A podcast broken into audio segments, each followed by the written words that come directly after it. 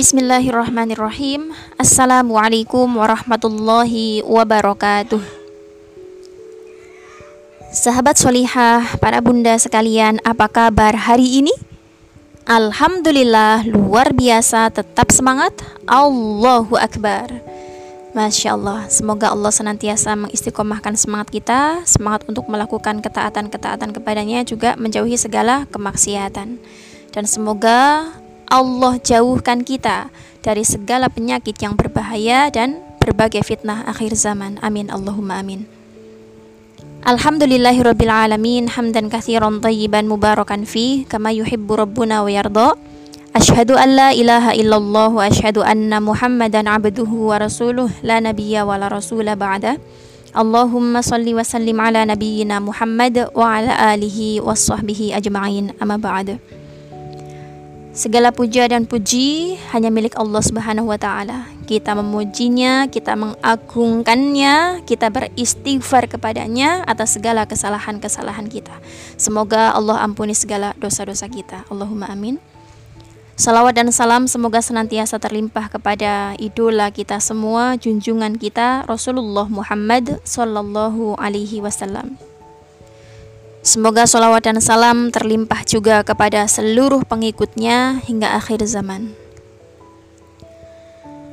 Akhwati fillah, banyak orang tertipu dengan amalan-amalan yang dia lakukan. Dia merasa sudah melakukan amalan akhirat yang banyak, sudah sholat wajib, ditambah dengan sholat sunnah, qiyamul lail, sholat duha, sudah puasa wajib, ditambah lagi puasa sunnah Senin Kamis atau bahkan puasa Daud, ditambah dengan sedekah dan amalan-amalan yang lainnya. Akan tetapi, sayangnya ternyata dia tertipu. Kenapa? Karena dia tujukan amalan akhiratnya itu untuk tujuan dunia. Subhanallah. Iya, mereka memang gemar melakukan puasa sunnah, puasa Senin Kemis, atau puasa Ayamul Bid, mungkin puasa Daud. Namun ternyata itu dilakukannya semata-mata hanya untuk menyehatkan badan, hanya untuk memperlancar rizki, dan lain sebagainya. Ada juga mungkin yang gemar sekali bersedekah, namun tujuannya untuk supaya rizkinya dilipat gandakan, supaya karirnya melejit, dan lain sebagainya. Begitu pula ada yang rajin bangun di tengah malam untuk bertahajud, namun ternyata tujuannya hanyalah ingin menguatkan badan, ingin agar perdagangannya lancar, ingin agar rizkinya lancar dan keuntungan duniawi yang lainnya. Maka sungguh merugi orang-orang yang seperti itu. Dialah yang meniatkan amalan akhiratnya untuk tujuan dunia. Allah Subhanahu wa taala telah berfirman di dalam Quran surat Hud ayat 15 sampai dengan 16.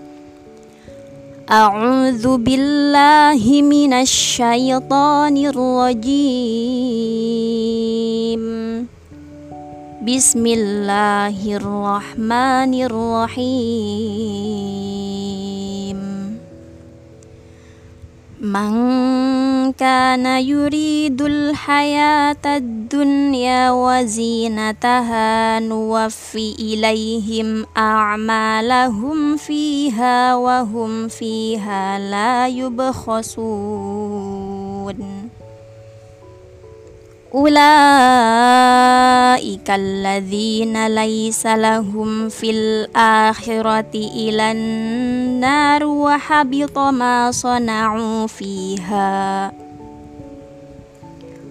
Wa habita ma sana'u fiha wa batilum ma kanu ya'malun. Barang siapa yang menghendaki kehidupan dunia dan perhiasannya, niscaya kami berikan kepada mereka balasan pekerjaan atau amal mereka di dunia dengan sempurna, dan mereka di dunia itu tidak akan dirugikan.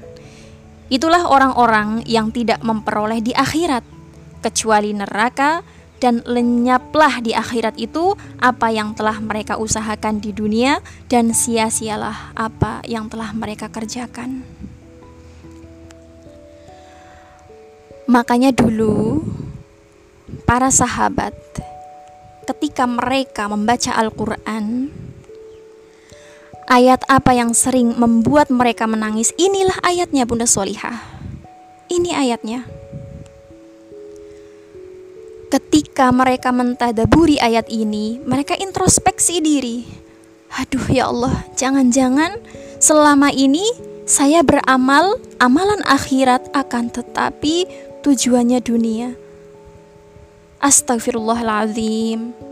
Mereka banyak menangis Bunda Solihah karena membaca ayat ini.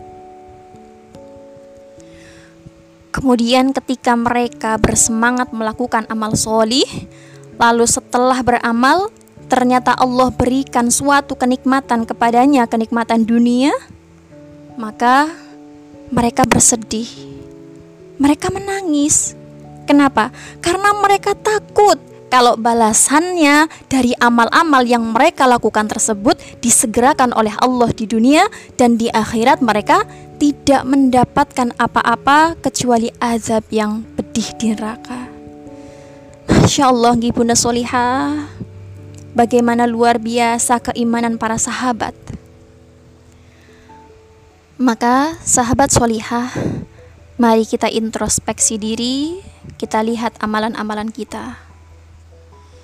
Sudahkah kita niatkan hanya untuk menggapai ridho Allah? Atau ternyata dari amalan-amalan tersebut kita malah mengharapkan dunia? Mari kita kembali luruskan niat kita lakukan ketaatan kepada Allah Subhanahu wa taala, kita lakukan amalan-amalan solih untuk mengharapkan wajah Allah, ridho Allah, surga. Meskipun kita boleh berdoa memohon kepada Allah untuk mendapatkan dunia, akan tetapi jangan terselip sekalipun dalam hati kita kita melakukan amal untuk tujuan dunia kita boleh minta dunia. Allahumma inni as'alukal afiyata fi dini wa dunyaya wa ahli wa mali. Boleh kita meminta dunia. Tapi jangan sampai kita sholat wajib, sholat sunnah, sholat tahajud, sholat duha, puasa sunnah, kita tujukan semua itu untuk supaya dunia kita melimpah. Mari kita beramal soli untuk mengharapkan balasan akhirat. Demikian akhwat di villa. Aku qawli hadza wastaghfirullahu li walakum barakallahu fikum wassalamu warahmatullahi wabarakatuh.